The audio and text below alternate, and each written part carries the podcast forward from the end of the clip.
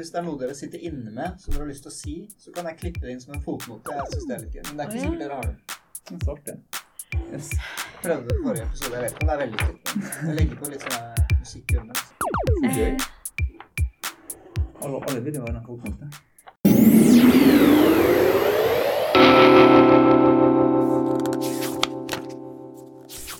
Kjære lyttere, kjære medborgere, medmennesker og kjære bokvenner. Velkommen til denne episoden av Bladpodden. I dag skal det handle om spenning i forbindelse med siste utgivelse av Blad. Og vi snakker med Lars Petter Sveen, forfatter. Hallo?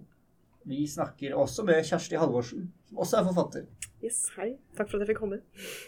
Er Hyggelig at du Takk for det. Og vi snakker med Thea Sundstedt Bergstø, kritiker og litteraturviter. Hei, hei. Skal vi starte med å bli litt kjent? Og da er spørsmålet hva leser du for tiden? Og da kan vi jo Sofus Greni lærte meg at man trenger jo ikke å spinne blyanten. Man kan bare peke. Da foreslår jeg at vi starter med Lars Petter. Det var, veldig bra at eh, jeg kom hit akkurat i dag og fikk akkurat det spørsmålet. For eh, nå for tida så leser jeg veldig masse krim og grøss. Og det gjør jeg Jeg har en sånn teknikk, da, kaller jeg det. Det er et fint ord for det. Men når jeg blir eh, veldig sliten, det blir jeg av og til, og når vi sitter i sånn manusinnspurt, og da er jeg litt sliten, da har jeg alltid ei pappeske på soverommet. Det jeg bruker å kjøpe eh, krimbøker som jeg liker. Ofte brukte. Ofte en skik skikkelig dårlig krim, sånn som Lee Child. Og så bra krim, som oh, James Lee Burke og sånt. Og så Stephen King-bøker samler jeg på. Så legger jeg alltid pappeska. Og når den slitne perioden kommer, når jeg vet at det er liksom skraper i bunnen, liksom, da går jeg til med den pappeska. Så. En kriseske. Så, så per dags dato så leser jeg tre bøker. Pet Cemetery, Stephen King.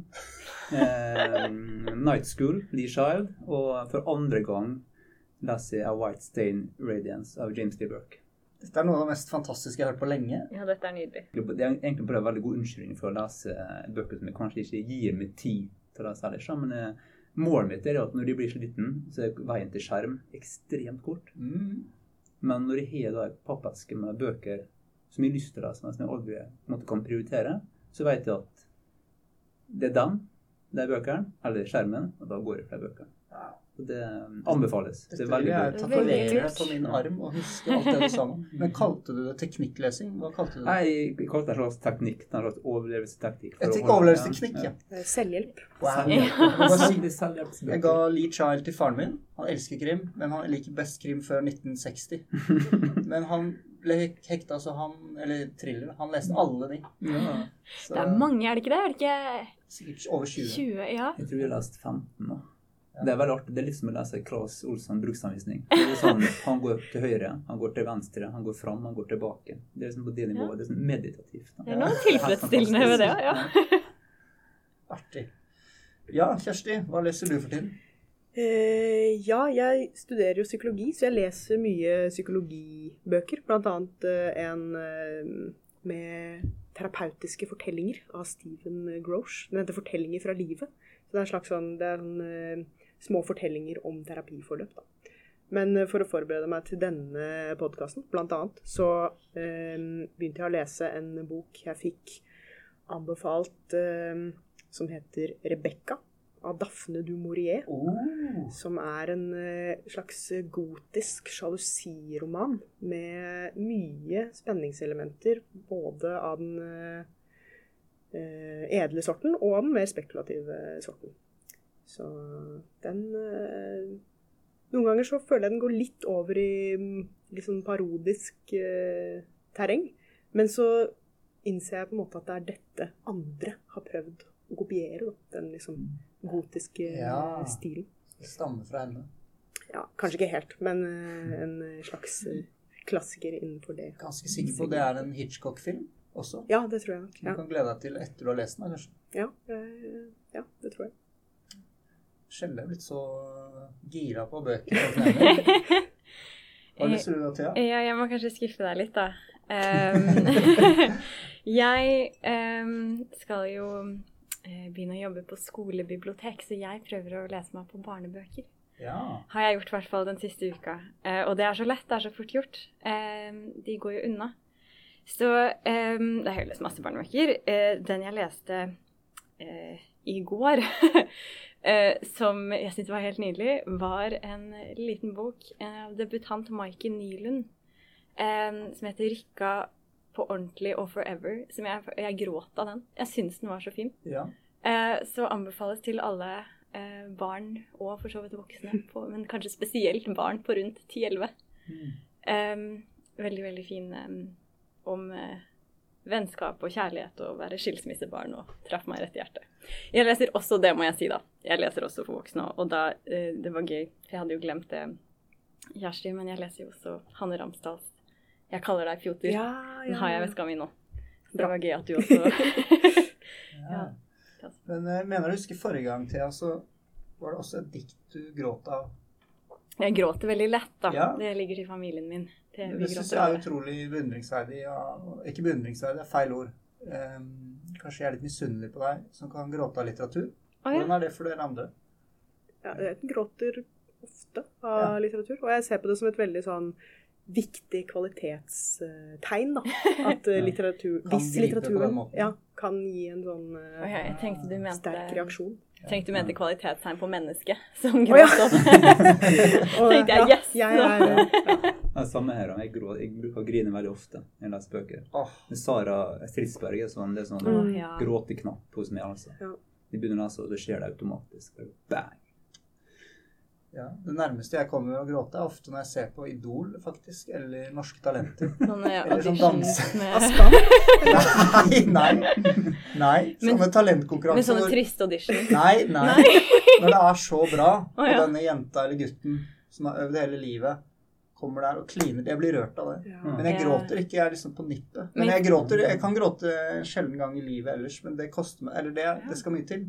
Men jeg, hører, jeg føler at dere er inne på noe, da, være i kontakt med de følelsene. Ja, men det kan være flaut. Jeg så Forrest Gump for første gang siden jeg var 13 år, tror jeg. Ja. Sammen med min sønn på 13 år. Han er 13 år nå. Og da når jeg satt på en to og en halv time lang, jeg begynte å grine etter fem minutter. Det var jeg han. Og jeg satt der og måtte, liksom, måtte skjule det. Jeg kunne ikke gråte sammen med en tenåring. Det var to og en halv time med sånn vill forkjølelseseffekt. Det var, det var heftig, altså. ja, det kan jeg tenke meg. Noen av mine sterkeste barndomsminner. Det er eh, min far som skulle lese for oss. Og det var spesielt én bok, 'Veien til Agra'. Da var vi litt yngre enn 13. Men jeg vet ikke, da var det sånn. Han måtte ha gråtepauser. Og jeg og søsteren min skjønte jo ingenting. Vi syntes jo ikke det var så trist, men han bare Da har du hatt en god rollemodell, da. Ja, veldig. Det, Ja, men jeg tror også det er noe som kommer med alderen. At jeg føler at jeg har blitt Jeg blir mer Mm. rørt nå Ja, enn da jeg var en Mm. iskald 18-åring, f.eks. Ja, Dette er jo eh, uten tvil beslektet med temaet for i dag, som er spenning. For spenning er også noe som trigger, vekker noe i oss. Akkurat som eh, tristhet eh, kan gjøre det. Eh, men før vi begynner, sånn at lytterne får litt idé om hvilke størrelser vi faktisk har i studio i dag, så er det jo da faktisk Kjersti Halvorsen, du er jo nominert til Tarjei Vesaas debutantpris 2019. Takk, takk, takk. Ja, Og den eh, blir avslørt hvem som vinner den eh, om en halvannen ukes tid, eller? Ja, noe sånt. Ja.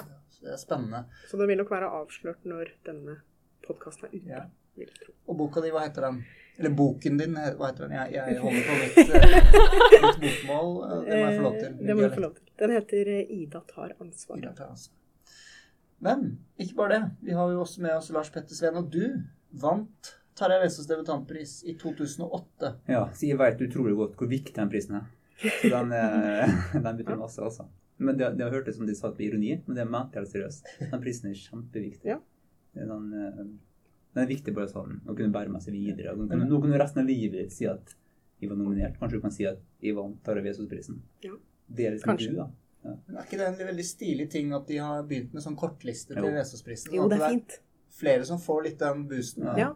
Før så hadde jeg sånn at jeg, når jeg delte ut prisen, så leste jeg opp en sånn juryens begrunnelse når jeg delte den ut. Og da, hadde jeg, da nevnte jeg alle bøkene som jeg syntes var gode. da. Så det var på en måte en sånn shortlisting Ah. bare for de som var på utdelinga. Å ja. Det, det var også veldig fint. Da jeg satt og folk liksom notert Oi, hvem er det andre gode bøkene? Mm. Spennende. Så det er veldig smart at jeg har begynt å nominere. Kjempelurt. Mm. Så det, er også en, det må jo være spenning i hverdagen. Ja, det er absolutt en spenning knytta til det der. Altså. ja.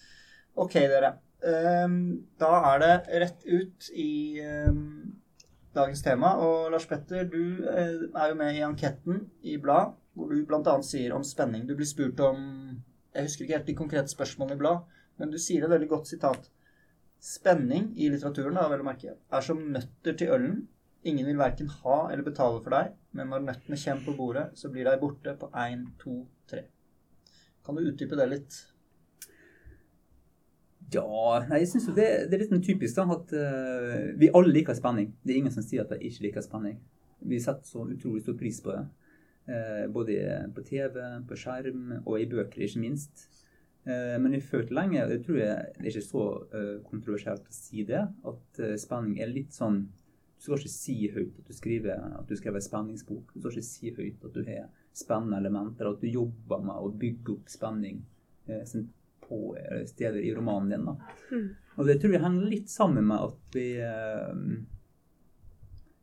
Litt med at vi er ikke så høylytt interessert i komposisjon eh, når vi kjente bøkeskriving i, i Norge, da, tror jeg. Vi er veldig opptatt av at språket skal være godt. Mm. Det betyr jo veldig masse. Og da har vi allerede fått en slags sånn motsetning her mellom språk på ene sida, nærhet kanskje.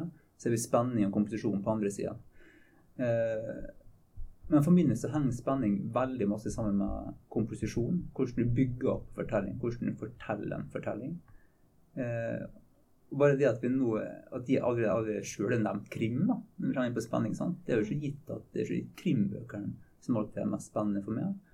Eh, Tvert imot eh, ofte. Så, så, spenning det finnes overalt. Det, um, for, meg, for meg som forfatter sjøl, både når jeg leser, men ikke minst når jeg skriver, så er det noe som jeg jobber kanskje mest med. da, Hvordan bygger jeg opp spenningen? Hvordan kan jeg sørge for at leseren får et slags eh, kroppslig nærvær da, til teksten? Ja. Men hva kan det komme at det er blitt en sånn motsetning mellom komposisjon og språk, som du var inne på? Mm. Hva, kan det komme av, tror du? Eller stemmer det, for det første? Det er ikke sikkert dere er enige. Ja, jeg tenker at uh, Jeg litt, uh, kjenner meg litt igjen i det du sier om at det er en at man har en slags todeling da, mellom om det er eh, språk, eh, høy språklig litterær kvalitet, og eh, hvor god fortellingen er. Og jeg tror kanskje at det er lett å tenke at man kan bruke en eh, godt tenkt ut handling og plott for å kompensere for manglende eh, kvaliteter på det andre området, da. Mm. Og at det er noe man ikke vil ha på seg, på en måte. Eh, men det ideelle er jo å ha en, en, kombinasjon av de to elementene, og det er jo mm. absolutt mulig, tenker jeg. Det bryter jo litt med det liksom, bildet av forfatteren som vi fortsatt kanskje klamrer oss litt til, da, selv om vi på en måte ikke tror vi gjør det. Den veldig sånn organiske, kunstneriske skriveprosessen mm. som bare skal, skal bare renne ut av deg. Um, nærmest i en sånn transe eller en sånn at du er i kontakt med et eller annet en romantisk geni Ja, som selvfølgelig alle vil jo sikkert gå med på, i hvert fall de aller fleste som jobber med litteratur på en eller annen måte, vil vel gå med på at det er teit. Og samtidig så er det noe ved det bildet som er vanskelig å slippe på, da. Mm. Mm det, det, er jo veldig spennende, for det er brukte ordet spennende. Ja. Men eh, eh, nettopp det med at du å komme i en sånn transe da, med å skrive. Mm. Eh, når du sjøl skriver, eh, så er det ofte når det nærmest er en slags transe, da, der det kommer rennende ja. ut, mm. det er når det har parti det, som er ofte spennende. da der ting skjer i boka, der pulsen min blir så høy, mm. der pulsen i teksten da, mm. Blir, så, blir, så, stor at, at skrivinga måtte kjøre av gårde uten at jeg har kontroll på det. Så ofte så hang disse spennende elementene for min del nettopp sammen med, med den. En sånn type skriving. Da. Det er jo veldig interessant. Mm.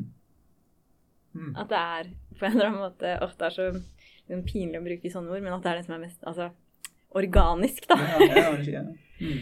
um, ja. ja, for jeg har også tenkt at jeg har et sånt ideal, på en måte, da, om at uh, den edleste måten å skrive en uh, fortelling eller en roman på, er å lage så gode karakterer at du kan liksom bare sette de mot hverandre i en tekst, og så vil det på en måte oppstå mm. handling og dynamikk. Organisk, sånn som du mm. sier, da. Uh, så det høres jo nesten litt ut som det du beskriver. At det på en måte bare kommer av seg selv når Skaper du sånne idealer for alle oss andre? Ja, men, ta til et litt veldig konkret eksempel. Da. For eksempel, eh, hvis du viser bygd opp en lang, lang sekvens, sant? du vet hvor historien skal gå. Eh, det skal fra A til B til C til D, men plutselig mellom E og F da, så mister jeg som forfatter kanskje grepet på teksten. Da, da, er, da skjer det noe så, så, spennende i teksten at de, de, begynner å rulle og gå. da. Og Jeg syns ofte sjøl at det de sjøl skriver best, det er jo der de mister kontrollen. Der de ser at oi, det her dukka opp ut av det blå. Mm. Og av og til når jeg leser bøker og tenker at oi, her var en veldig god sekvens, tenker jeg at her er sikkert forfatteren mista grepet. Jeg tenker at å, her har hun eller han liksom Mm. mista liksom den, den Hva er det som tar over da? tro- Ja, hva som tar over da? Jeg tror ikke at det er ikke nødvendigvis motsetning med forhold til spenning, da. Eller tvert imot. At da hadde kanskje forfatteren blitt veldig engasjert, da. Mm. Jeg føler at da må forfatteren ha mye tid. Mm. Hvis du skriver 20 minutter hver dag, da tar det jo lang tid å skrive noe som helst. Men, men da blir det kanskje litt for mye rom til å tenke og tvile og sånn, eller hva tror dere om det? Jeg tenker at den prosessen du beskriver, høres ut som sånn eh, Når jeg skriver, da, så har jeg en fase hvor jeg skriver helt sånn eh, ukritisk, på en måte. Og at jeg bare lar alt jeg Jeg bare begynner et sted, og så har en viss formening om hvor det skal, og så bare skriver jeg det. Uten å, uten å redigere underveis, eller noen sånne ting. Eh, og da kan det jo komme kjempefort. Masse. Men alt det må man jo måtte gå tilbake på senere, da. Og slette ofte. Mye av. Og det er jo det som ofte tar mye tid, egentlig, da. Å redigere? Ja. Men uh, Det ah, er, ja. Å ja. Nei, jeg skulle bare si det at det er jo interessant det forholdet mellom tankearbeid og tekstarbeid, som det virket som du la litt opp til nå. ja. Um, fordi det er jo ikke et så klart skille. Jeg tenker jo at jeg um, sjelden tenker gode tanker, og overrasker meg selv når jeg skriver. At da plutselig så når jeg leser gjennom noe jeg har skrevet, eller er i teksten og jobber mye med den, så kan jeg bli helt sånn Skrive er å tenke. Ja! Mm. Jeg kan jo bli helt satt ut av hvor lure jeg syns mine egne resonnementer er. Men jeg ville jo aldri hatt de hvis ikke jeg skrev. Mm. Um, og sånn vet jeg jeg i hvert fall ikke er alene om å ha det. Det er noe som skjer. Ja visst. Ja. Men dette eh, deres, altså, At det kan være litt flaut, nesten. Eller du, du var inne på, Kjersti, at eh, hvis boken er for spennende, så er man redd for at eh, da skal folk Ja, du har vært spekulativ, eller sell-out, eller hva det er. Mm. Eh, er det noe særnorsk, tror dere? Vi liker jo også å peke på ting Ja, det er så ja, typisk norsk. Hva, hva tror du om det? Jeg tror i hvert fall ikke det er amerikansk. Nei? Nei. Du bekrefter det? Ja, nei, jeg tror, jeg tror at i USA så har man masse større tradisjon for nettopp en sånn type historiefortelling. Ja. Med større driv, der det er lov å fortelle store historier da, som kan være litterært eh, tunge på en måte. Eh, den tradisjonen er vi har i Norge også, men er på en måte ikke så akseptert. Vi tenker f.eks. Eh, vi tenker på en forfatter som Jan Kjærstad, Mm. som er en ekspert på å tenke komposisjon, på å tenke ut ideer Mm. eh, i romanene sine. Eh, han har jo fått veldig masse kjeft de siste åra. Eh, og jeg tror ikke det bare handler om eh, om bøkene er gode eller dårlig. Det handler om at Han er, han er på en måte ikke helt inne i tiden Mm. ordet de siste 15 åra, kan jeg si. Ja. Mm. Eh, man har fått litt suksess nå. Eh, Det tror jeg har litt sammenheng med at vi i Norge har ikke her som handler om syn, eller det handler om smak, da, eller hva vi vil ha, hva vi ser etter. Eh, Ja. Mm. Kjæreste er vel litt sånn sår på det, tror jeg. jeg Mm. Føler seg litt Han står litt alene, liksom, i, Mm. det han har skrevet det. Mm. I norske litterære offentlighet. Mm. Og det syns jeg var veldig spennende. Han brukte jo ordet 'spennende' igjen. Jeg syns det var veldig artig at eh, Mathias Fallbakken fikk uh, så masse ros i år. Ja. fikk uh, kritikerprisen nettopp for Mm. Vi er fem. Ja. Ja, Mm. Som er jo en utrolig spennende bok. Ja, ja, ja, Det absolutt. er rett og slett en rent eh, kompositorisk eh, spennende bok. da. ja. Eh, Og som da alle sammen sier Oi! Så overraskende! Den så vi ikke komme. Så nytt og så unorsk. Alle, alle sammen sier det. Så jeg tenker at Hva i alle dager, det er noe så urnorsk du kan få det.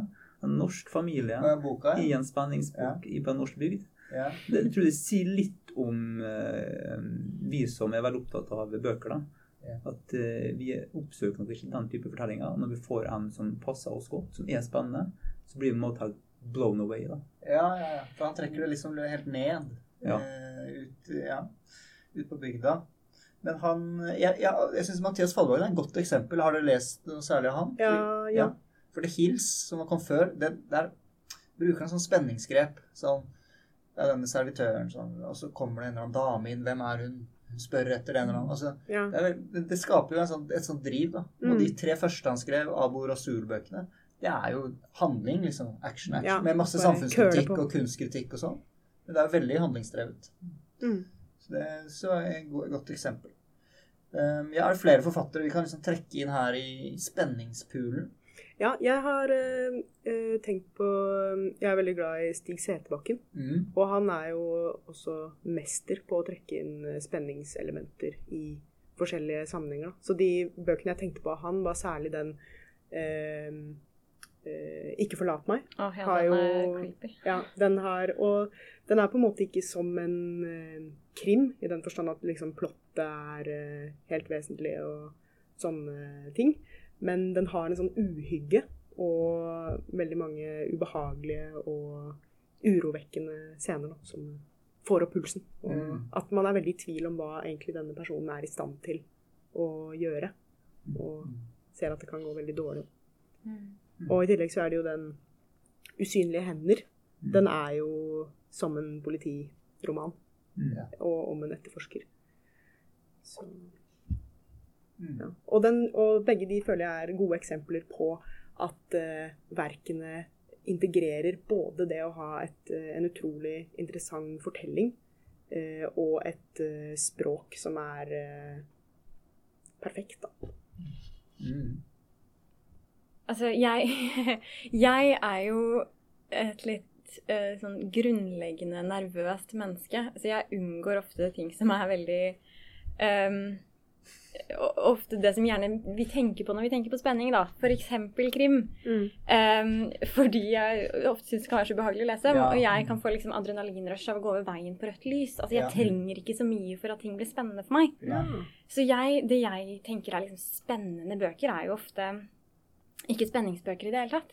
Men det er jo bare sånn hvis handlingen på en eller annen måte interesserer meg, eller hvis jeg syns konseptet, prosjektet, er så eh, er så interessant at jeg blir dratt inn. Altså, det, jeg liksom setter et sånt likhetstegn mellom page turner og spenning. Mm. ja. Når, og det egentlig ikke Men kan du bli like dratt inn av et interessant prosjekt eh, hvor det er mer motstand, eller Altså jeg, for eksempel, jeg prøvde å å overbevise den, eh, den perioden for et par år siden hvor alle leste eh, Rachel Cusk sin triologi. Den med outline som den første. Da husker jeg jeg var veldig sånn Dette er jo page-turnere. Og veldig opptatt av å formidle det ut. Um, og skjønte jo at selv om de ble kritikerroste det sånn, så hadde de jo ikke nødvendigvis den effekten på så mange. Men hadde det på deg? Ja, veldig. Jeg synes det var utrolig spennende. Jeg klarte ikke å slutte å lese. Og det var jo på en sånn der Jeg må se hvordan det går. Jeg må se hvordan Ja, disse samtalene utvikler seg. Ja, interessant. Ja.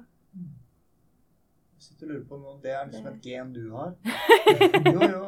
Det er bare takler ikke ordentlig spenning, så jeg må Nei, men det har jo tydeligvis grepet samtaler. deg. liksom, det er jo den der Hva er det de sier, de historiefortellerne? What then? Altså det er den Prøve å finne Hva, hva kom til hva, ok, Hva skjedde så? Ja. Ja, fra improteater. Er sånn- Hva skjedde så? Ja. ja, det er fra impro også. Ja. Ja.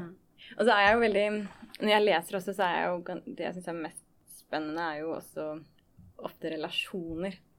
Så jeg kan jo også bli veldig sånn Å, jeg lurer på hvordan denne relasjonen skal utvikle Ja. seg. Det er en kjærlighetsfortelling, liksom. Så blir jeg jo helt, Ja. helt hekta. Mm.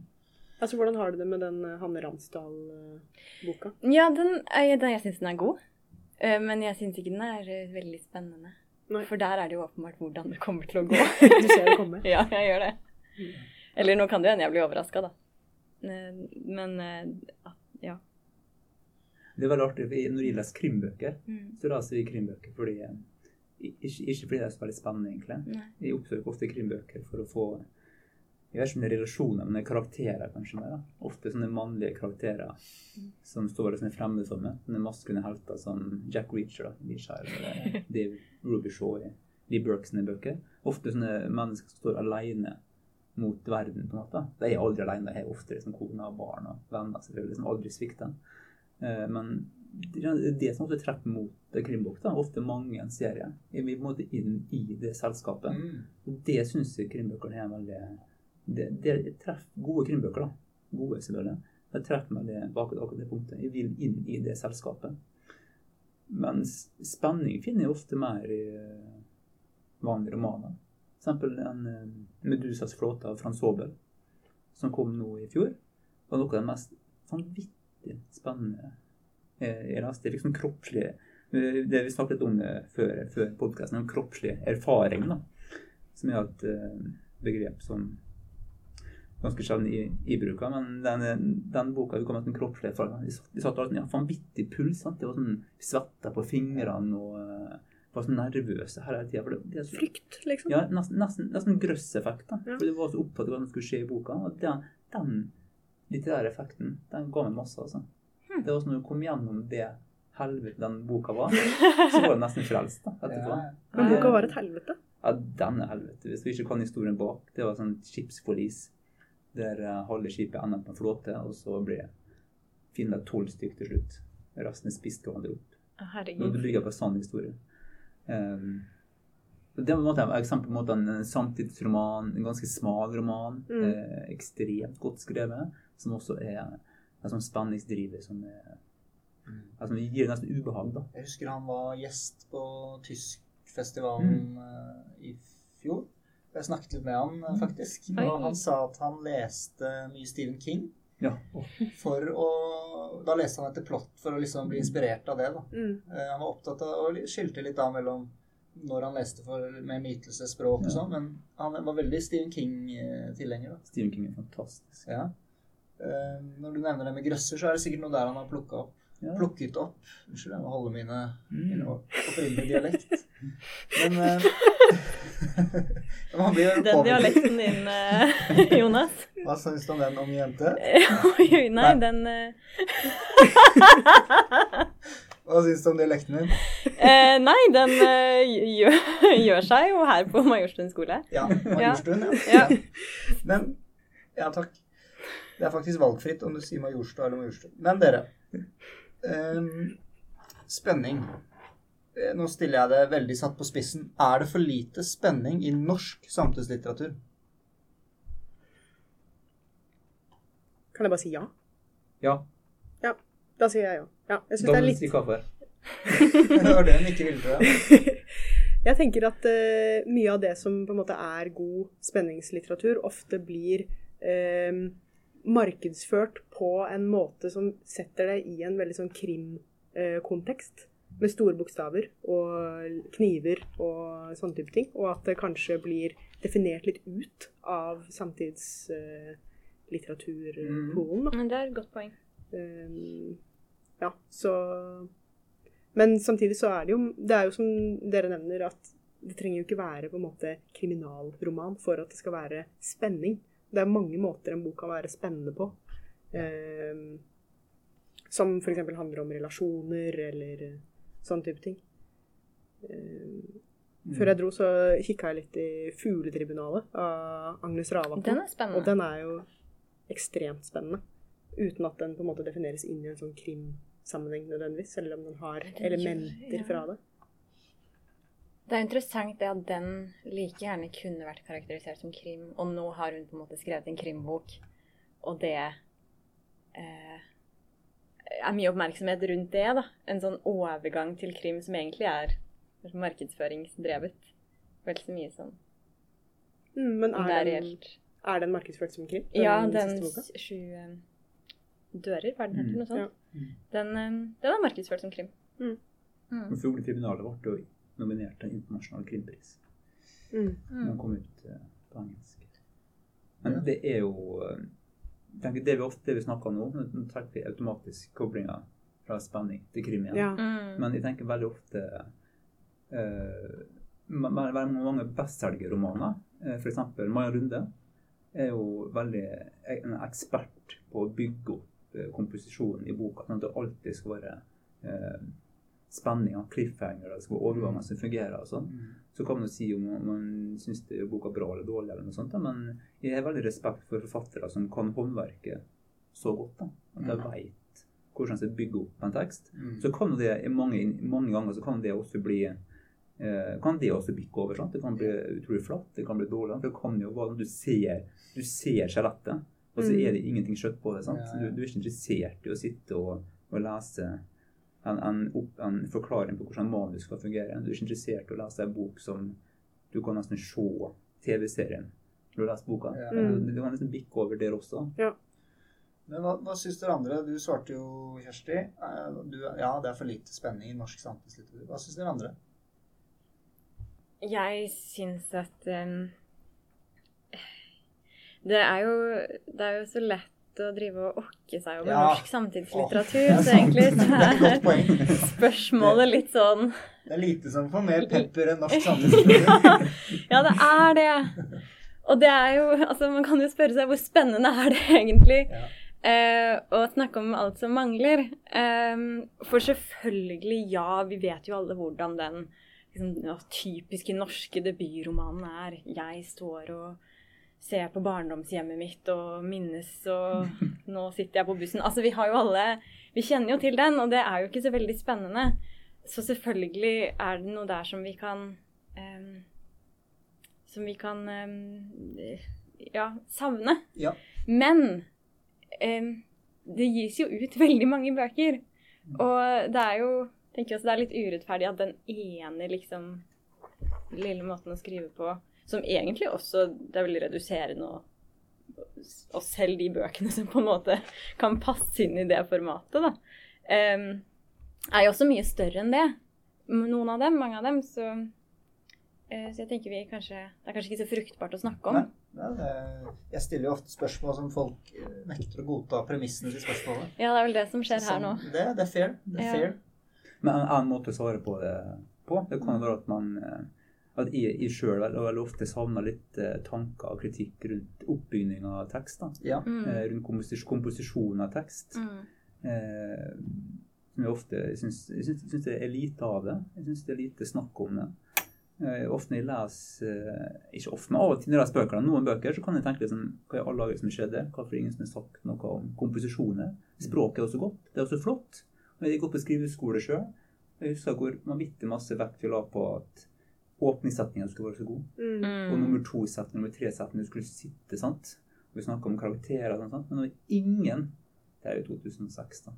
Evighet siden. Men det var ingen som fortalte meg hvordan vi skulle bygge opp spenning. Nei. Det var ingen som snakka med hvordan det skulle skje på side 60 i romanen. sant? Ja. Men Altså, sånne type ting. Da. Det, jeg tenker at En god forfatter er også det. En god forfatter greier også å skape det. Mm. Jeg syns det er interessant, fordi skal du skrive film eller drama Du kan vel komme unna i drama ved å, ved å gjøre mer eh, avantgardistisk, eller nettopp gå imot blått, men skal du skrive film, så stort sett så må du lære deg dette Mm. håndverket. Du må lese mye Mm. Ibsen, du må Mm. se liksom eksposisjon, eh, konflikt, oppbygging, alt det der. Mm. Eh, Og som også er det vi underviser i skolen Mm. til elevene. Altså, men det er liksom ikke en del av forfatternes pensum på samme måte. da. Det er et, jeg syns du har et veldig godt poeng. Eh, Jeg har også gått på skriveskole i, eh, litt senere. og eh, heller ingen som snakket om spenning, eller hvordan bygge opp det, eller i det hele tatt å bygge plott, var jo ikke noe tema. Og jeg har jo ofte tenkt at jeg eh, Eller jeg sitter vel ofte med følelsen at jeg må forsvare at jeg er veldig opptatt av om historien er god når jeg leser. Jo. Og jeg er mer opptatt av om en god historie og god karakterbygging enn jeg er kanskje av spenning, i hvert fall bevisst. Men det går jo litt inn i den samme Ja, gjør det ikke det? Jo, det gjør jo det. For en god historie er jo ofte spennende. Det er jo også to skoler jeg har skjønt i TV-serieskriving, som altså karakterorientert eller Mm. plottorientert. Men de fører litt til samme målet. Ja. En Ja. en dri, et driv og Mm. et sug og osv. Hvis vi bryr oss om karakterene, så er det spennende. Ja. Eh, Men Lars Lars Pettersen, er det for lite spennende i norsk samtidslitteratur? Ja. Jeg er altfor lite spennende. Altfor lite snakk om det. Altfor lite vektlegging av det. Sånn når det er sagt. Det er bra vi, Ja, det var bra vi snakker nå. Men jeg synes bare det, det er et eksempel siden vi snakker om TV-serier og film. da. Eh, Jeg husker ja, La oss si at det stemmer. da. Eh, Sopranos eh, alle har sett Sopranos, en veldig god TV-serie. Det, er det går an å være sånn til sannhet om den myten, men at han skaperen bak han skrev første og siste episode. Og så sa han til manusgjengen sin, som var fem-seks stykker, som skulle skrive alle episoder episodene mellom, sa han at her har dere første og siste episode. Mm. Skriv serien. Dere har én regel. Dere skal bryte alle reglene. Det gjorde jeg i sesong etter sesong. Det- Det er så utrolig fascinerende. Her sitter vi og satt oss de fremste håndverkerne i å skrive tekster som skulle vare i 50 minutter. Og så skulle jeg bryte alle reglene som det er slavisk flukt i amerikansk TV i 50 år. Det, skaper en helt annen dynamikk. da. Vi skulle gjerne sett en sånn, mer en sånn type tanker, da. Hva skjer når vi bryter reglene? For det er det som er så utrolig artig. Alle vi som leser, og til og med de som eh, leser annerledes bøker enn oss, som leser masse krimbøker, som leser mange bestselgere, de kan komposisjonen. De vet hvordan historien er bygd opp. Og det er jo så artig da når vi får noen forfattere som på en måte bryter med komposisjonen. Trenger ikke også massen, bare gjør sånne små grep. da. Det er alltid utrolig gøy. Mm. Og det, det tror jeg veldig mange så for å vende tilbake til Mathias Fallbakken, da, men vi er fem. Hvordan han måtte bryte med den, eh, den, det vi for- forventer oss i den fortellinga gang på gang i boka. Og det gjør det så utrolig artig. Ja. Vi satt og lo høyt når jeg leste den boka. Mm. Jeg har ikke lest den ennå. Mange som sier at de sitter og ler. Nei, også. Han bygger opp en forventning om noe. Hvis det skulle fulgt vanlig oppbygging, er det sånn? Mm, ja. Så kommer noe annet. Ja, jeg synes det er veldig, den boka er et veldig godt eksempel på det. også. Minner om jeg leste med elevene mine i dag. Jeg står her og skal slå opp med ei jente. Ja, den er En fin. Skikkelig klassiker Ja. i skolesammenheng. Har du også lest den? Nei, jeg har ikke Nei, lest. det er en novelle av Rune Belsvik. ja. Ja, det er ja. Alle elever leser den, ungdomsskole eller videregående. Det er en, en gutt. Står der. Åh, der kommer hun dama. Åh, jeg er så lei av henne. Åh, der er det sjalet hennes. Hun er jo så kjedelig egentlig og ser så spennende ut. Egentlig, jeg er lei av hele henne. Nå skal jeg slå opp med henne. Men tør jeg egentlig å slå opp? Og hun, ser, hun kommer til å bli knust. Hun kommer til å bli så lei seg. Så kommer hun. Så sier hun Det er slutt.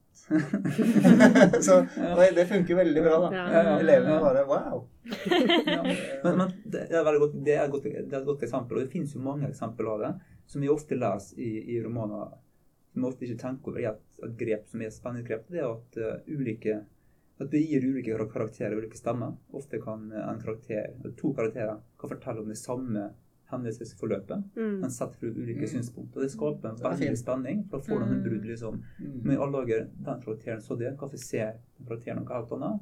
Det, det gir en liksom spenning i, i historien. Mm. Men da Uh, nei, jeg bare kom til å tenke på, er det sånn at kanskje norske samtidsnoveller er mer spennende enn norske samtidsromaner?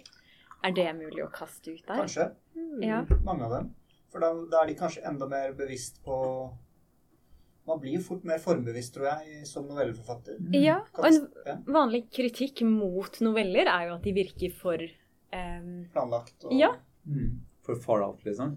Ja, for far out, Mm. eller litt sånn Å, her Eller ser man- skjelettet Ja, for tenk. Ja. Eller at man kanskje skjønner hva som blir overraskelsen. Sånn. Mm. Du debuterte jo med noveller, Lars Ja. Jeg husker jeg gjorde det. Jeg um, syntes det var utrolig artig. Eh, Men eh, da også tenkte jeg at du er jo drittlei noveller når du er gått gjennom videregående. Og Du Ørn- Ørning Hemingway, du leste på Roedal, du leser Kjell Askelsen, oh my god. Altså, du er bare så møkkalei av at noveller skal være nesten Alt skal være tetta, Ja. ingenting skal lettes. Undertekst Ja. Undertekst, In medias res. In medias det, boom, du, altså, du går ut til videregående, alle barn i Norge, altså, du kan på fingertuppene hvordan skrive noveller. vet du. tenkte at å, så utrolig artig, da kan du bryte med alt det, sant? Ja. Jeg gjorde sikkert ikke det, sikkert med ingenting, men jeg følte at det ble noe. Den en rebelsk energi der. Ja, sant? Jeg det var så utrolig artig, ja. Og at du kunne stå som stange hodet mot den formen. Det, det var, den boka var utrolig artig å skrive. Ja. Og når jeg skrev den, tenkte jeg ofte på det Jon Fosse skrev, tror jeg, om at en novelle er litt som en uh, liten båt. Den bare har tatt. Mens en roman er som en stor båt. Den må ta inn vann. Mm. Mm. Men kan vi ikke fortsette der og snakke litt om hvordan dere jobber fram historier når dere skriver? Ehm, vi kan starte med f.eks. det du sa, Lars Petter, om Sopranos første episode, siste episode. Ehm, dere Vet dere liksom Ja, dere har en karakter. Uh, du holder på med et flerbindsverk nå. Jeg Er ferdig med det? Du er ferdig med det? To, Mm. to bind. To bind. Mm. Du visste kanskje hvordan du skulle starte, du visste hvordan du skulle slutte, og så var det å fylle inn imellom der, eller? Uh, Ja, jeg kan si at det var litt sånn. ja. Mm. Eh, og for deg, Kjersti, jeg opplever jo din bok som handlingsdrevet Ja. og karakterdrevet, begge deler. Mm. Um, men det jo, du må jo ha tenkt en del på plott underveis, skulle jeg tro. Ja, jeg kjente meg egentlig litt igjen i det Sopranos, den uh, fortellingen eh, der. Fordi det var eh, Jeg hadde liksom en idé om hvor jeg skulle starte, og hvordan det skulle uh, ende opp. Uh, og så måtte jeg på en måte jobbe meg uh, fram til det med masse Og jeg skrev egentlig veldig mye forskjellig, og sjekka hva som funka, egentlig. Ja. Og, måtte, og noen ting funka ikke, og da måtte jeg slette det. Og noen ting funka, og da måtte jeg liksom endre resten, sånn at det også passa. Så jeg tror ikke jeg kan si at jeg planla plottet på forhånd, egentlig. Det, det kom litt etter hvert. Testet ut. Ja. Og så har jeg på en måte som sånn spennings... Eller for å bygge opp spenning, da, så har jeg vært opptatt av å skrive om eh, Eller skrive fram tvetydigheter. Litt sånn som du var inne på, med eh, Kan man stole på dette perspektivet, eller er det en annen karakter sitt perspektiv som egentlig er riktig? Og at noe som blir eh, sagt av jeg-personen, kanskje ikke stemmer helt. Eh, og at noe som Ida da, eh, observerer ute i verden, kanskje ikke er helt riktig forstått av henne. Og jeg tenker at hvis eh, leseren kan fange opp det, så har jeg gjort noe riktig med tanke på å bygge opp spenning. Mm. Jeg husker jeg ble frustrert på Ida, Mm. noen av valgene hun tok. Mm. Og da har du jo klart å få meg inn, tenker jeg. Ja. Um, får lyst til å Nei, hva er det du driver med? Ja. ja, det var en skrivelærer i Bø, tror jeg, som sa at uh, man skal alltid liksom utsette karakteren sin for eh, de verste tingene. ja. Og gi dem masse problemer og Trude Marstein. Nei. Ingen av de var i Bø. Ingen av de var i Bø. Men noen i Bø sa det til meg, at eh, ja, de, karakteren skal slite. Ja, kanskje det var Gunstein Bakke. Han sa også at en roman Gunstein, eller en Ja, Gunstein sa en roman burde være som en vev. Og det likte jeg. At eh, trådene går på tvers og på Mm. langs. Ja, det er fint. det er fint Ja. sagt. Latinske ordet for tekst, det. Eller omvendt. Tekst betyr vev på latin. Å, nå ble jeg flau. Hvorfor det? Jeg visste ikke det. Det er jo heller flauere at, eh, at du visste det. Hvorfor det? Nei, nei jeg, sitter, jeg bare ser for meg deg sitte og pugge latinske ord for å drive med på Kan podkasten. Jeg, jeg, jeg mener å ha hørt det. Si noe mer på latin, da. Carpe diem. Det er vel omtrent der det, det jeg kan, altså. Men ja, så du tenkte du hadde starten, og du hadde slutten. Mm. Og så var det, hørtes ut som en organisk, intuitiv prosess. Testet ut flere ting. Ja, ganske. Eller egentlig at jeg hadde mye av det jeg hadde tenkt at uh, kunne være en uh, bra hendelses... Uh, et punkt, da. Eh, som jeg prøvde å skrive fram, og scener og sånn, ikke nødvendigvis fungerte helt sånn som jeg hadde håpa på. Nei. Og da måtte jeg bare skrive det på nytt og få det til å bli annerledes. Og det var jo også sånn det på en måte skrev seg fram med de eh, tvetydighetene, egentlig. At da eh, var det noen ting jeg ikke trengte å bestemme om det skulle være helt sant eller ikke. Men det var ikke sånn at jeg skrev ned hele, hele plottet på forhånd. Men da jeg hadde skrevet alle eh, scenene som jeg tenkte at kunne komme til å bli boka, så satte jeg meg ned og organiserte de, og prøvde å finne ut hvor, hvor har den best effekt. I rekkefølge, liksom. Ja. Ja, mm. ja hvordan er det for deg, Lars Petter? Nei, jeg kjenner, jeg kjenner litt igjen i det, altså. Det å, det å kutte opp tekst og skrive, bestemmelser hvordan, hvordan man skal liksom bygge opp historien. Eh, jeg har er blitt mer og mer, jeg jobber mer og mer tettere med redaktøren min.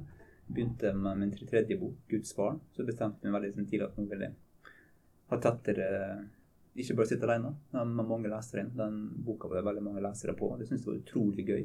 Mm. Det å skulle liksom få tilbakemelding og jobbe fram en tekst. Da. Jeg, når jeg er på skolebesøk, så sier jeg ofte til elevene sier at dere må forestille at dere leverer inn en norsk stil. Så får dere kanskje en firer på den. Så får dere den tilbake fra læreren. Så må dere skrive den om igjen og gjøre den enda bedre. Løfte den opp til en femmer. Og så får de tilbake til en fem, og så må dere gjøre en løfte en sekser. da. Og så leverer han enda, så plutselig falt ned på en treer. sant? Den, den prosessen, sitter, sitter bare med sånne store øyne Oh my lord, jeg skal aldri skrive det sånn. Men det, det, er- det er litt sånn det å skrive, tenker jeg, at um, du jobber fram og tilbake hele tida. Men jeg liker veldig godt Jeg husker jeg gjorde det med, gjort med alle mine siste bøker, at jeg klippet opp eh, rekkefølgen på det. Eh, nettopp for å få et større blikk på hvordan de bygger opp spenningen i boka. Hvordan jeg får karakterene til å gli inn i hverandre. Hvordan kan de, de ulike synspunktene, ikke synspunktene, men perspektiver, kollidere. Mm. Eh, Og det, det liker jeg veldig godt. De, de to siste bøkene jeg skrev, 'Fem stjerner og fem skygger', så bestemte jeg for at de putta alt det dramatiske i første boka. Eh, veldig dramatisk bok. Hvert jeg tror det var 13 kapittel. Og hvert kapittel i boka eh, var, var bygd opp som en novelle. da. Eh, det du skulle skjønne var veldig dramatisk i hvert kapittel. Eh, og hvert kapittel hadde, eh, eh, var det forskjellige karakterer som fortalte. Mens i neste bok, som er bok to, 'Fem skygger', så gjorde det motsatt. Det skulle skje veldig lite i hvert kapittel. Det skulle dramatiske dras ned. Hva skjer med de samme karakterene, de samme stemmene, når de på en måte er strippa for dramatisk? Når de må sitte helt stille og forholde seg til alt det som har skjedd. Hva skjer da med psyken deres? Det syns jeg, var veldig- spennende å skrive sånn. Tenkte du, visst, Var det planen fra starten? Eller? Nei, det kom litt underveis. Ja. For da, hadde Det var egentlig ei stor bok som vi delte i to. Eh, Mm. For det var, den var for stor for min egen del. Så vi Ja. kutta den rett i to. Og da når vi kutta den i to, da kunne jeg begynne å eksperimentere med hva skulle forskjellene i bøkene være. Hvordan kunne de måtte ha ulike stemmer. Så det, det å skrive bok er Jeg syns det er veldig noe av det artigste jeg skriver, og også det tyngste, da, det var nettopp komposisjonen. Hvordan du bygger opp en komposisjon som er litterær, interessant, men samtidig som du skal greie å holde ved like alle det som, alt det som skal fungere. Alt det som manusforfattere er så gode på. sant? Alle punktene skal treffe, du skal liksom få leseren til å få til det, spenningsfølelsen. Hvordan skal det liksom hvordan skal du få til det samtidig som at du skal måtte holde din egen nerve, da, din egen litterære følelse? Jeg har lyst til å spørre deg om en scene i Et gudsbarn'. Mm. Første øh, episoden der, eller strekket, Mm. eller kapitlet, så er det disse romerske soldatene som har vært ute og drept eh, de førstefødte hos jødene. Mm. Så sitter de på brakka nesten, og det er ikke en brakke på den tiden. De sitter og snakker sammen, forteller, og så plutselig hører du en latter fra et sted i rommet. Mm. Som en person som de ikke visste var der. Mm. Det er et sånt grep jeg elsker. Nå skvetter jeg. Å, han har sittet der hele tiden! det er ikke så skummelt. Kafka gjør mye det. og- Men, og så viser det deg, nå kommer jeg til å spoile litt, sånn som jeg leser, det er jo djevelen sjøl Mm. som har sittet der og hørt på. Og det skjønner man litt etter hvert, da. Det er jo et veldig spenningsgrep der. Mm. Eh, mm. Jeg syns det var artig, den karakteren. Den, jeg kaller han for den gamle mannen. da. Det var en karakter som er, ble veldig inspirert av Stephen King. da. Ja, ja, Han har jo veldig mange sånne karakterer. Som som, som, sånne overnaturlige karakterer som dukker opp i historien. Som ofte lokker og lurer. Og vi er på en måte litt hjerne bak. da. Og jeg vil ha en sånn karakter. Hva skjer hvis jeg putter en sånn karakter inn i en seriøs samtidsroman? Sånn? Hva, hvordan, hva er det som oppstår da? Eh, det syns jeg er veldig artig. Også for da kan du, da kan du sitte og nappe i nervetrådene til dine egne karakterer eh, på en helt annen måte. Mm. Men vil dere si litt om det? Jeg sendte dere et spørsmål før, eh, før vi begynte. Hva er, deres, hva er det mest spekulative spenningsgrepet du noen gang har brukt i egen tekst? Har dere noe svar på det? Altså nå, men spekulativt, det høres så negativt ut med Ja. en gang. Og det, da er vi litt inn i den diskusjonen vi hadde tidligere i dag. At spek men har vi ikke nå etablert litt at det er noe litt Det er noe håndverksmessig, det er noe spekulativt. Høres ut som du Hva, hva kommer det ordet av? Sp- sp- Utspekulert, får, Ja. får det meg til å tenke på. Spetakkel er det kanskje? Utspekulert? Nei, det er et annet ord. Men, så det er, har en, egentlig en negativ klang. Men jeg føler vi nå har snakket oss fram til at det også er, Det er noe positivt. Ja. Um, for å gjøre det lettere å svare, da. Vil dere prøve? Ja, jeg kan jo si at uh, et spenningsgrep jeg bruker en del, er en slags sånn uh, frampek, hvor uh, Ida ser for seg forskjellige typer ting som potensielt kan skje Mm. på Blindern. Eh, For eksempel at hun eh, Hun ser for seg Blindern som en sånt eh, Disney-slott, og at det er en sånn et uhyr, et udyr et eller annet sted i slottet som kan bli desperat og sånne type ting. Eh, og at det er på en måte Og det er jo en måte å love ting i teksten eh, som man kanskje eller, eller kanskje ikke eh, oppfyller. Så Frampek, rett og slett. ja, jeg vil si det er litt eh, Mm. Kanskje litt spekulativt. Ja, fin, da. Mm. Ja, med deg, Lars Petter. Du nevnte åpninga på Guds barn. eh, og Den er jo ganske spekulativ. Eh, Det starta faktisk Jeg husker jeg ville ha at boka skulle starte med at en dør ble åpna. Tenkte at nei, den må starte med at en dør ikke blir åpna, men at en dør blir bare slått inn. da. Knust, liksom. Ja. Så starter med at de romerske soldatene da knuser en dør, og så springer inn i rommet og nesten brøler sammen. Er det barn her? Er det kristen blod jeg kan drepe? Liksom? Og det, det er et ganske spekulativt grep. Vi tar jo en ganske voldsom historie Mm. eh, med at alle førstefødte skulle bli drept og gjøre det på en måte til en sånn åpning på en roman. da. Og Det følte jeg var et spekulativt grep som vi kunne stå inne for. da. Men eh, Mm. det var en måte forsøk på å kaste leseren rett inn i universet. Eh, en historie alle kjente til, alle kunne noe om. Eh, men som vi også kunne vri litt på. At man skruer, kan vri litt på skruen, og så kan det fungere. En annen ting som jeg også veldig ofte gjør, som er, jeg tror er ren spekulativ ting å gjøre, det er at når det blir veldig dramatiske tekster mine, eh, når det kommer til spenn, og ofte brutale sekvenser, da, eh, når det skjer noe spennende, så drar det ned tempoet veldig ofte. Eh, Plutselig blir tempoet dratt veldig ned akkurat når det fæle skjer. Og så blir jeg veldig opptatt Da, da tar jeg inn alle detaljene rundt hendelsene. Mm. Eh, Det akkurat som at ja, tenk på linse, så fokuserer linsa ut akkurat når det, når det, det voldsomme skjer. Det kan oppleves som litt spekulativt. Det er to bøker som skriver om barnesoldater. Og når de gjør noen handlinger, så er det jo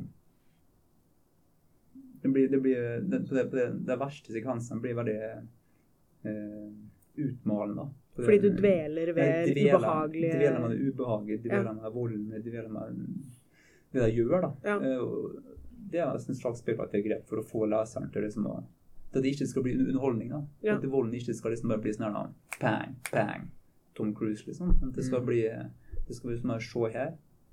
Dette er det som skjer. Det, det gjør karakteren som du sjøl sitter og heier på. Det er det gode eller han utfører akkurat nå. Ja, jeg har også tenkt på det med eh, å skildre ubehagelige og, og stygge og ekle ting. er jo et eh, effektivt grep for å vekke Mm. måte uro og frykt og avsky og alt mulig forakt hos eh, Mm. leseren. Og det tror jeg at jeg har gjort i noen grad i min bok også.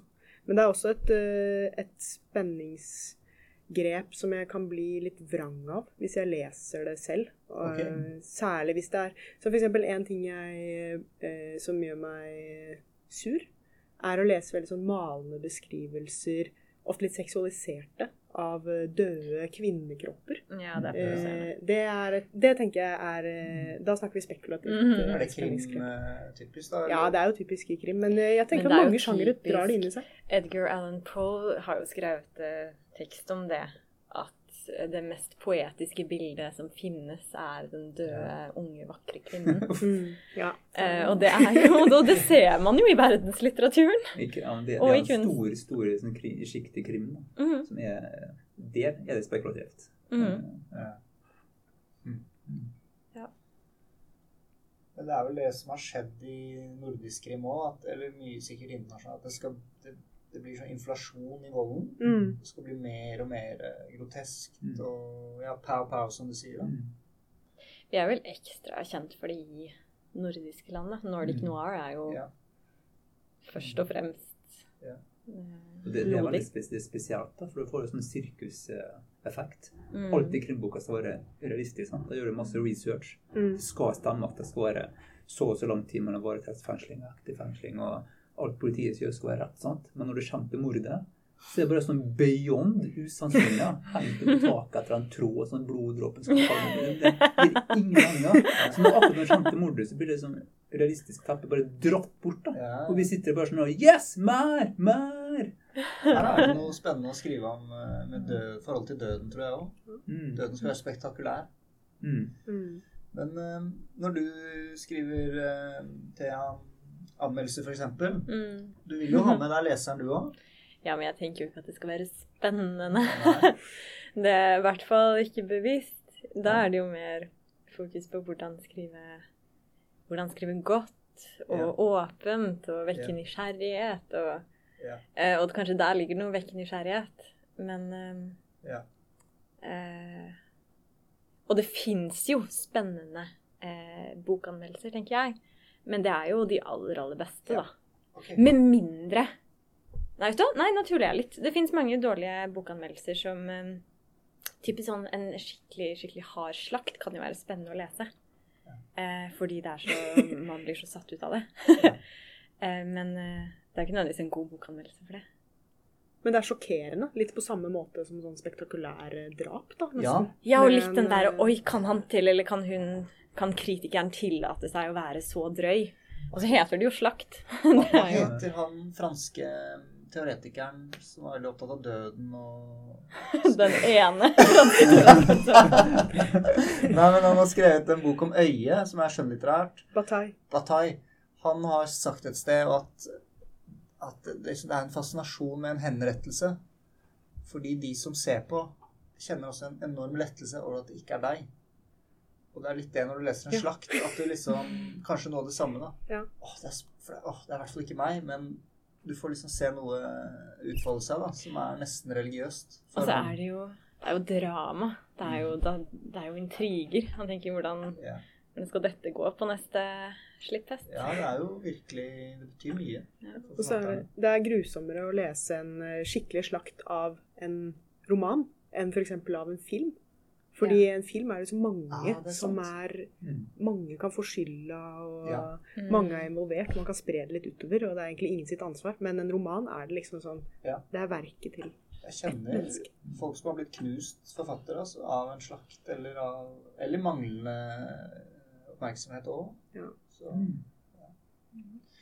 Men eh, vi, skal, vi nærmer oss slutten. Og vi avslutter nå med, hvis dere klarer, den mest spennende boken du noen gang har Jeg, vet, jeg skjønner når jeg sier det.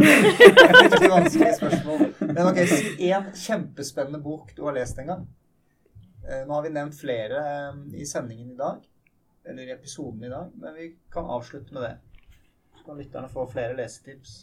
En annen bok som du syns var spennende. Ja, Kan jeg kaste ut ja, ja, ja. først? Fordi jeg fikk jo ikke så mye tid til å tenke på dette. Og jeg tror jeg har lyst til å si to, og jeg føler begge er veldig åpenbare og må sies. Det er henholdsvis eh, Harry Potter-bøkene og 'Forbrytelse og straff'. ja. Ja. Det er fint. De er, eh, det er spennende bøker. Mm. Og de er eh, Det tror jeg alle syns. Ja. Nå er jo hun eh, cancelled, hun JK Rowling. J.K. Rowling. Ja, det syns jeg. Og ja. Eh, det har jeg fått med meg. Vet at du er, du er en etisk person. Ja, det syns jeg er vanskelig, fordi jeg eh, Altså, nå er jeg jo, er jo, er jo ikke for cancel culture, da. Men, eh, men eh, jeg syns hun har skrevet noen veldig lite OK ting på Twitter. Ja. okay. Jeg syns jo det også, men jeg prøver å distansere min livslange kjærlighet til Harry Potter Ja. fra, fra det. kunstner. Spennende Ja. bøker. Jeg, jeg hoppet av Harry Potter på bok tre. Jeg kom meg aldri gjennom. Den var så lang. Ja, jeg hoppet også av. Men de to første er jo briljante, korte, utrolig spennende. Mm. Men jeg har ikke klart Jeg har lyst til å prøve på nytt. eh, og komme meg gjennom den treeren, så jeg kan ta de andre òg. Treeren er jo en av de beste. Ja, Ja, er sikkert. Når man er inni Ja. det. Har du, Harry Potter, har du lest Harry Potter? Lars Petter? Nei, og de var akkurat litt for gammel når det kom. Ja. Og så har kona mi lest alle for eldstesønnen, og så Ja. jeg leser alle for neste barn. Ah, så da får du Mm. Det er den. sånn. Det var lurt. En, en, en. For Du er også Harry Potter, Kjersti. Ja, eller eh, jeg har lest mye av det, men jeg falt også litt av. Ja. Sånn rundt Jeg tror bok seks. Det er jo også en av de beste. Hvorfor faller dere av? Det ble ble for omfattende. Men vi er ikke falt av for evig. Det er fortsatt tid, tenker jeg. Ja, det håper jeg for deres skyld. En del andre, Nevn en kjempespennende bok. Ja, jeg syns det var litt bra at du åpna for å trekke inn barne- og ungdomslitteratur. For jeg tror faktisk at jeg må tilbake til eh, barndommen for å finne liksom de mest spennende, meddrivende leseopplevelsene jeg har følt. Fordi det er så sterkt, på en måte, når man er eh, Ja. barn og akkurat har lært det og sånn. Eh, Så jeg må si Dala av Johan Harstad. Mm. Oh. Sci-fi-spenning. Ja, spenning, grøsser. på månen. Det er noe ondt på månen. Mm. Kjempespennende. Veldig skummelt. han er så flink på komposisjon. Enda Ja, en forfatter ja, vi kunne trukket inn, Mm. Mm. som behersker det. Mm. Ja. Disse tre bøker i full fart. det. Ja, ja. Det er to veldig gode krimbøker. Beste som å kommet synes, de siste 10-15 åra. Den er Roger Hobbes, som skrev 'Ghostman'. Debuterte med den. Og så kastet han bort hele karrieren sin med overdose i eh, kokain et par år etterpå. Den er utrolig rett fram spennende thriller. 'Ghostman'. Og så er det selvfølgelig eh, Haynes sin 'I Am Pilgrim'. Den kan settes opp på alle kioskene. Den er 900 sider lang. Og den er latterlig fint skrevet. Ja. Um, oppskrift, manual på hvordan skrives den. Men jeg må, må nevne Don Winslow. Hvis det er en krimfatter som vi i Norge veldig, Jeg tror ganske få i Norge har lest han, er veldig stor i utlandet. Han er, det er veldig vanskelig å oversette. Han skriver så ekstremt effektivt. Jeg, jeg kjenner ingen andre forfattere som skriver sånn som han skriver. Han har tre bøker om narkotikakrigen. Hvis du skulle sett TV-serien eh, Narkos, ser du hva eh, det er bygd på sannhet, bygd på en måte virkelighet. da. Dom Don Winslow sine narkotikakartellbøker er også bygd, bygd på sann historie. Og er skrevet ekstremt effektivt. Det er så spennende at jeg ofte må ha pauser fra det. Det blir, det blir på en måte for lite underholdning og for masse ubehag. Pulsen går så høyt. Så det, eller han er et godt eksempel på en mester i å fortelle spennende. ja, dere. Eh, skal vi ikke få høre deg? Jo, Jonas? selvfølgelig. Jeg glemte til og med å si hva jeg leste for tiden, og det tar jeg fort nå. Jeg leser en krim. Mm. Håkan Nesser. Det er fordi jeg skal anmelde siste Håkan Nesser. Jeg har faktisk fått ansvaret nå for påskekrimoppslaget i Aftenposten. Oi! Jeg føler virkelig stor bør på mine skuldre. Eh, Så jeg skal, jeg skal både anbefale tre bøker og anmelde siste til Håkan Nesser. Så um, ja, spennende. Og så vil jeg nevne en annen eh, forfatter, spenningsforfatter, uten tvil, Harlan Colben. Mm. Han er kjent for plot twist. Og det er så vidunderlig. Altså det er sånn at det er søsteren din, da, som du aldri hadde trodd, som egentlig har skjult barnet ditt for deg hele livet. Og det er det verste. Ja. Det er sånn de som er, de som er nær deg, som Men, men det som er trist med Harald er at det, det holder ikke hele veien. Nei. Det, det, hver bok på slutten bare boom! det rakner helt. Men det er så herlig fram til det. For du klarer, du klarer ikke å gjette plot-twistene. Det er så drøyt. Det er beyond ofte. Det er, det er, liksom- det er sånn Agatha Christie. Det er sånn den minst sannsynlige Ja. ever Ja. er det. Det er liksom den du er mest glad i, som har lurt deg hele livet. Og fantastisk. Men det er synd da at det kollapser til slutt. Jeg lurer på hvordan han kan løse det, for det hadde jo vært helt utrolig. Noen må hjelpe han. ja. En norsk forfatter bør komme inn og Kjent ja, språket ditt.